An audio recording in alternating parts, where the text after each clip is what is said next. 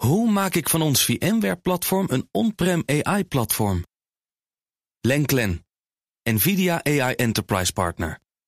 Lenklen, betrokken expertise, gedreven innovaties. Tech Update. We nemen het uh, opvallendste technieuws door. Dat doen we met onze tech-editor Joe van Buurik. Hi, Donatello en Roos.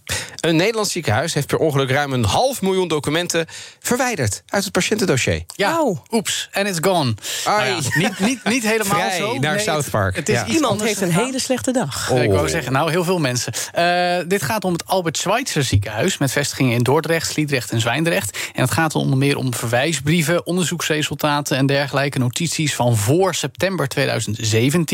Bij elkaar van in totaal 212.000 patiënten. Dus een hoop mensen die hiermee getroffen zijn. Jongen, jongen, dat is fors. Precies. Nou ja, al dat soort medische gegevens moeten 20 jaar bewaard kunnen blijven, maar zijn per ongeluk overschreven door nieuwere bestanden. Gebeurt door een fout in de instellingen, waardoor met de aanmaak van nieuwe digitale documenten die oude bestandsnamen werden overschreven en dus ook die oude documenten die erbij Zonder horen. dat je dat doorhebt dan. Precies. Het is een beetje alsof je eh, eh, eh, aantekeningen 1, maar je had al aantekeningen 1 en dat is een document van 19 jaar geleden. En En normaal krijg je dan zo'n pop-up. Weet u zeker dat u dit wil overschrijven? dat is hier niet gebeurd. Maar dat is hier niet gebeurd. of die is En iemand, iemand heeft dit dus gedaan. Ja. Foutje? Of, of een partij. In elk geval, volgens Slechte de regels. Ja. Zo. Volgens de regels is dit een datalek. Dus het moet gemeld worden bij autoriteit persoonsgegevens. Eh, ze zijn niet kwijtgeraakt, die data. Maar ze bestaan ook niet meer. Dus eh, het ziekenhuis heeft dit zelf medegedeeld op de website vanochtend. De getroffen personen hebben een mail ontvangen. Die is gedeeld eh, op Tweakers. Dus iedereen is netjes geïnformeerd. En het ziekenhuis zegt zelf, gelukkig gaat het in principe om zeer oude bestanden. die al jaren niet meer nodig zijn. Dus in de praktijk zal het leed als het goed is meevallen. Zou ik ook zeggen als ik hen was. Goed. Snap hem wel. Ehm, Facebook en Instagram zijn nu officieel verboden in Rusland. Ja, nou- ik dacht dat het al zover was. Ja, de, als het aan de Russische inlichtingendienst FSB eh, lag al twee weken geleden. Toen hadden we het hier namelijk al over vanwege de extremistische, dat is een citaat, uitlatingen op Facebook en Instagram. Maar nu heeft ook de rechter in Moskou dat bekrachtigd. Die zegt inderdaad, het is. Ik citeer, extremistische content. Dat melden Russische media, waaronder de nieuwsite TAS. Eh, er zouden dus oproepen tot geweld zijn tegen Russische burgers en militairen in Oekraïne. Ja, tegen burgers mag niet, maar inderdaad, het oproepen aan de, eh, ja, het, het afmaken van de Russische invasie. Dat mag van Facebook en Instagram. Dat hadden we ook gemeld anderhalve week geleden.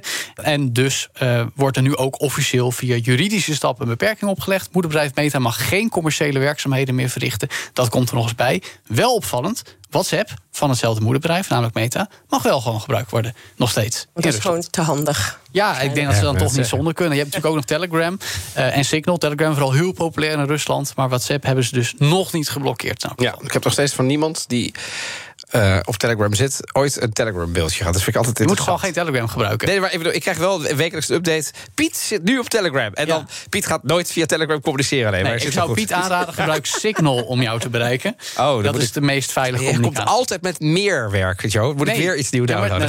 Oké, voor de duidelijkheid. Signal heeft standaard versleuteling van je berichten. Telegram niet. Dat is wel waar.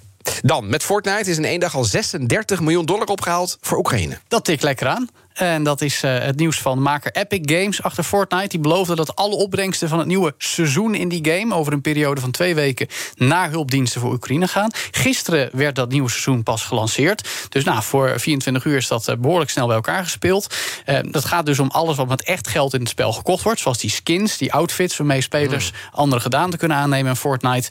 Eh, en wel treffend, de naam van dit nieuwe seizoen heet Resistance. Daar is Ah. over nagedacht, zou ik zeggen. Nou. Overigens ga ik het zelf ook weer spelen. Want je kan tijdelijk niet meer eh, gebouwen bouwen. De- die keuze is dan weer een beetje vreemd. Maar daardoor is het denk ik ook opeens weer leuker voor relatief oudere gamers. Zoals ik. En sommige collega's vonden er ook al over. Want die Minecraft-generatie, die overal maar opeens Ja. een schu- schuilkelder, notabene uit de grond weet te stampen.